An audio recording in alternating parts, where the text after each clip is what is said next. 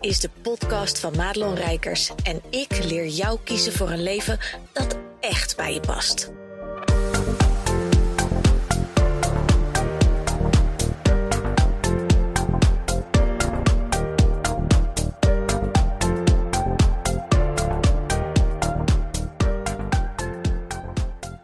Ja, goed dat je weer luistert naar de nieuwe podcast. En deze podcast, eh, die heb ik al een tijdje in mijn hoofd. Maar iedere keer is er weer iets anders wat mijn aandacht opslokt.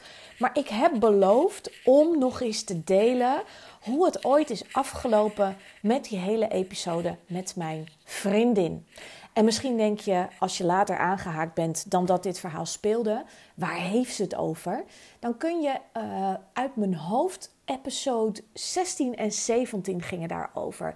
En je kunt je voorstellen, want als het goed is, uh, is dit podcast nummer 64. Dus we zijn een gigantische tijd later, echt anderhalf jaar. En um, het verhaal ging namelijk destijds over dat uh, ik met mijn vriendin een, een, een clash had en, en dat er allemaal dingen gebeurden. En, en luister vooral die podcast. Ik ga er niet allemaal te veel op, op, op in, omdat ik dat gewoon privé vind. Um, maar het was wel een heel mooi voorbeeld van het grenzen stellen. Wat natuurlijk super moeilijk is. Uh, daar, daar, kunnen we elkaar, hè, hoeven we elkaar geen mietje voor te noemen. Um, maar soms zo nodig om mensen ook daar te laten waar ze horen. En dat heeft alles te maken met dat heel veel uh, van mijn klanten vroeger, hè, de klanten die ik vroeger bediende, maar ook de klanten die ik nu bedien, vaak over hun grenzen laten gaan. Sommige dingen niet zeggen tegen partners, tegen familieleden, tegen vrienden, omdat ze bang zijn um, dat er iets van gevonden wordt. Terwijl de andere kant steeds vaker een soort, ja, ik noem het maar pootje erop doet. Um, en dat zal vast wel onbewust gaan hoor, maar dat is een beetje wat dat gedrag bij honden, dat dominerende. Dat ze menen uh, van alles en nog wat te kunnen zeggen en vinden over de keuzes die jij maakt of niet maakt, of over hoe dingen zou moeten. Um, zonder respect voor hoe jij daar zelf in staat. En op dat moment speelde er een heleboel in die relatie. En ik voelde vanuit mijn tenen: dit gaat nu te ver. En nu is het tijd om een grens te trekken. En dat heb ik gedaan. En ik ben dus onthecht geweest aan de uitkomst. Nou, de uitkomst uh, was, was vreselijk, want ik ben er echt een tijd kwijtgeraakt. Uh, en je hoort al een beetje waar dit verhaal heen gaat. Maar dat was, het was een hele verdrietige tijd, maar het was nodig. En dit zijn van die dingen, wat ik altijd zeg, het voelt juist, maar niet goed. En dat is heel vaak waar mensen uh, de, de boot mee ingaan, zo gezegd. Doordat ze keuzes willen maken die goed voelen. Maar soms um, is er niet zo'n hele duidelijke nuance. En voel je ergens vanuit je tenen dat een, dat een keuze juist is, maar weet je ook tegelijkertijd dat het een enorme shitstorm kan opleveren in je omgeving of dat je je business helemaal op zijn kop zet. Terwijl je vanuit je tenen voelt dat het, dat het eigenlijk niet anders kan dan zo, wil het ego natuurlijk heel vaak dat we gewoon comfortabel zijn. En, en die wil dat, dat stuk niet aan. Dus veel mensen blijven daardoor hangen in keuzes, omdat ze denken: ja, ik weet wel dat het moet, maar weet je, zolang het niet echt moet, moet, kan ik kan het nog wel even aan, uh, blijven die keuzes uitgesteld worden. Terwijl het meer dan juist is. En zo was het ook bij, bij dit verhaal. Het was al een tijdje aan het sluimeren. En uh, uiteindelijk heb ik dus uh, gezegd: dit, dit is de grens, dit, dit vind ik niet oké. Uh, en het ook echt gelaten in een soort open verbinding. maar, maar er was op dat moment ook weinig communicatie mogelijk. Soms is dat zo. En ja, daardoor zijn we elkaar anderhalf jaar hebben we elkaar verloren. En ik ben altijd onthecht geweest uit de aan de, nou, van, op, in, tussen, naar, van de uitkomst. Waardoor ik wel het verlangen heel diep voelde om weer eh, contact te hebben. Want ik had het heel fijn gevonden als we elkaar na een week uh, afgekoeld en wel weer hadden gecontact en gezegd hadden van jongens, hè, zullen we gewoon eens even kijken waar de schoen nu wringt en er even constructief voor gaan zitten om dit weer op het goede spoor te krijgen. Maar het was helaas niet de tijd, nog de plek. En, en ik denk dat wij allebei een stap moesten maken om um, inzichten te krijgen. En voor mij was het echt een soort ja, manifestatieproces. Ook de kunst van het loslaten. Dat, dat beheerste ik vroeger niet. Ik vind het nog steeds moeilijk hoor, want ik ben een ongelooflijke controlfreak. Maar daar doe ik heel veel innerlijk werk voor om dingen los te kunnen laten, energetisch, om onthecht te kunnen zijn. Ook bijvoorbeeld met sales calls, als ik een gesprek heb met iemand, om oprecht te luisteren, kan en wil ik jou helpen. En, en niet zoals ik vroeger dacht, oh, maar ik, moet, ik, ik, ik wil jou heel graag helpen, maar ik wil ook mijn omzetdoel halen. Nee, weet je, die onthechtheid is echt heel lekker, omdat je daar vanzelf gewoon veel authentieker, veel oprechter, veel relaxter in je werk gaat zitten, maar ook in je privéleven. Want kijk naar hoe de wereld uh, geworden is. Dat is 2.0 los moeten laten. Ik weet, en dat ben, ben ik natuurlijk ook een tijd geweest, dat er heel veel mensen zijn die willen strijden tegen het onrecht, tegen wat er gebeurt. En het heeft niet zoveel zin, omdat we dat uh, op deze manier niet um, ja, voor elkaar gaan krijgen. En ik denk dat die situatie destijds met, met mijn vriendin ook een beetje zoiets was. Dat ik heel duidelijk voelde, ik mag dit loslaten. Ik hoef hier niets aan te doen. Ik heb zeer zeker ook een aandeel in het geheel. Want waar de twee kiften hebben de twee schuld. Hè, dat is natuurlijk niet voor niks een gezegde. Maar ik mocht het ook echt loslaten. Dat ik heb mijn grens aangegeven. En als de tegenpartij daar niks mee doet. Of niet op een, op een uh, manier, open manier over kan communiceren, dan is het niet aan mij om daaraan te gaan zitten trekken. En ehm, met alle liefde voor mijn vriendin, die het destijds ook gewoon echt heel zwaar had. En weet je, ik kon aan alle kanten zien waar het vandaan kwam en wat er gebeurde. Maar ik kon haar ook niet redden. En dat is voor mij wel echt een ding. Ik heb echt een beetje last van het Jezus-syndroom. Dus ik wil, wil iedereen. Ik weet niet of dat trouwens goed is of dat dat het Savior-syndroom is. Of dat ik ze nu door elkaar haal. Uh, voordat ik een of andere narcistische stempel opge, opgelegd krijg. Maar ik heb altijd zo enorm de drive om alles en iedereen te helpen. En dat heeft me in het verleden zo ongelooflijk veel tijd, geld en energie gekost. Uh, en heel vaak hielp ik die mensen dus niet. Omdat ik ongebreideld, zonder grenzen aan te geven, altijd alles maar uh, ja, wilde helpen en, en dragen en oplossen. En het gaat niet. En sinds ik dat gewoon ook gemasterd heb, wordt, is mijn leven zoveel makkelijker geworden. En ben ik nog steeds iemand die heel liefdevol kan helpen, maar ook met respect voor eigen grenzen. En um, wat er vervolgens gebeurde, was natuurlijk een hele lange periode, van anderhalf jaar bijna, waarin um, ja, er, er in mij heel veel is veranderd. Ik ben uh, bij Suzanne Beukema natuurlijk ingestapt. Nou, dat heeft ongelooflijk veel shifts in mij doen plaatsvinden. Ik dacht ook, als ik haar ooit weer spreek, die vriendin, hoe ga ik daar in godsnaam bij praten over over mijn leven. Want er is zoveel veranderd. En tegelijkertijd is er praktisch gezien, uh, nou ja, behalve dat mijn man toen zijn baan kwijtraakte, maar is er niet zoveel veranderd. Uh, maar ik, ik was heel erg gegroeid. En ik was heel erg bang ook dat als we ooit weer contact zouden krijgen, um, dat de, kloof misschien wel te groot was. Nou, dat zijn misschien van die dingen dat je denkt, ja, ik kan me voorstellen dat je daar bang voor bent. En dat is zonde, want A, wist ik op dat moment helemaal nog niet of we elkaar ooit zouden spreken. En B, uh, die kloof, die voelen we daarna wel. Weet je, dat is een beetje wat mijn omaatje altijd zei. Ja, ga liggen voordat je valt. Nou, dat zijn van die dingen, die doen we ook niet. Dus, dus waarom zou je dan druk maken over iets wat helemaal nog niet in vragen is? Want het kost gewoon heel veel energie. Plus dat je een boodschap uitzendt naar het universum. En dat is zonde, want die gaat zich dan al schikken naar die inherente angsten die je voelt. En dan manifesteer je eigenlijk dat wat je niet wil. Dus, nou ja, zo werkt dat een beetje. Dus in die anderhalf jaar is er heel veel uh, veranderd in mij. In het begin, toen we net zeg maar die fallout hadden, toen kon ik het nog wel goed handelen. Omdat ik dacht, hé, hey, weet je, um, dit is even wat het is. En, en ik had ook ergens, denk ik, nog wel stiekem um, onbewuste gedachten van, nou ja, die belt nog wel. Maar dat deed ze dus niet. En dat had ik ook wel kunnen weten. Um, en, en daar moest ik dus ook echt door een rouwproces heen. En je mag best eerlijk weten, dat heeft me minstens drie vergevingsrituelen gekost.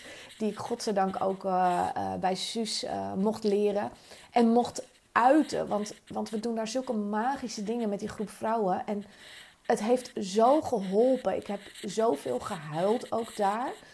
en niet alleen om het verlies van mijn vriendin, maar gewoon om andere dingen ook. En het kwam allemaal samen. En ik heb daar dus echt uh, bewust ook afstand van moeten nemen, energetisch, om me helemaal los te koppelen. Dus uiteindelijk kon dat loslaten ook gebeuren. Terwijl ik nog steeds het diepe verlangen voelde om het contact weer te herstellen. Alleen ik heb wel heel duidelijk voor mezelf gevoeld. En ik ben natuurlijk, ik heb mijn intuïtie ontzettend getraind. En daardoor kan ik dus heel duidelijk ook keuzes maken vanuit die plek. En daarom vind ik het ook zo belangrijk om met mijn klanten te leren. Omdat dat de plek is die juist is. Ook al gaat soms je brein aan de haal. Zijn keuzes niet per se logisch of, of voelt het heel lekker. Als ze juist zijn, dan moet het zo en niet anders. En ik voelde dus heel duidelijk dat ik niet degene kon zijn, of wilde zijn zelfs, die de eerste stap zou doen. Want daarmee zou ik het, dat wat er gaande was, en ik voelde wel echt dat er bij mij ook vooral een proces gaande was. Maar ik wist ook, zij zal ook geheid een proces gaande hebben. Want ik heb echt, dat mag je wel weten, ik heb best wel vaak gedacht... zal ik stiekem om een hoekje mijn auto zetten en kijken... Hè, ben je er nog? Hoe gaat het met je? Gewoon om er te zien van een afstandje zonder dat ze weet dat ik naar haar kijk. Want ik miste er natuurlijk enorm. Hè? De, mensen die we, de mensen die we vroeger waren, ik ken haar al zo ongelooflijk lang... Ehm, ja, dat, dat gaat je niet in de koude kleren zitten. Maar ik wist aan alles, nee, ik, ik kan niet de eerste zijn die de telefoon pakt en zegt, joh, zand erover, we gaan door. En vervolgens ging er tijden overheen. En dat is eigenlijk hetzelfde met rouw. Hè? En dat, dit, dit is ook een stuk rouw. Dit is rouw om iemand die gewoon nog in leven is, maar die je wel verloren bent. En hè, dat zie je ook met relaties, et cetera, op andere vlakken, liefdesrelaties. Iemand is er nog, alleen niet meer met jou en bij jou. En en zeker als er ook geen contact meer is, is dat echt wel ehm, ja, dat hele proces van acceptatie en verdriet en boosheid en nou ja, noem het allemaal maar op, die fase van rouw. En toen geschiedde er een soort wonder. Want ehm, wij zijn eigenlijk altijd wel een clubje geweest met, met, met drie vriendinnen. Dus ik en nog twee anderen, waarvan eentje dus die ene uh, vriendin. En ik heb met die andere altijd contact gehouden. En um, zij vertelde mij op een dag van je raadt nou nooit, wat zij ook een beetje in de volhoud, je raadt nou nooit van wie ik een berichtje heb gehad. En zo gebeurde het dus dat, dat er heel langzaam aan stappen zijn gezet. En dat ik haar dus op een middag, want ik kreeg op een gegeven moment ook een berichtje, of ik het fijn zou vinden om een keer met haar af te spreken. En het enige wat ik kon zeggen, en ik heb nog dat het me raakt als ik, als ik eraan denk, dat ik zei, ik heb niets liever gewild dan dit. En op de dag dat we elkaar zagen, zijn we elkaar eigenlijk als eerste maar huilend om de nek gevlogen. En ehm, het mooiste cadeau wat ze mij kon geven was dat ze zei: Sorry. En, en daarmee was voor mij eigenlijk al het hele gebeuren uh, voorbij. Omdat het voelde ook zo als de bevestiging van wat ik al die tijd had gevoeld.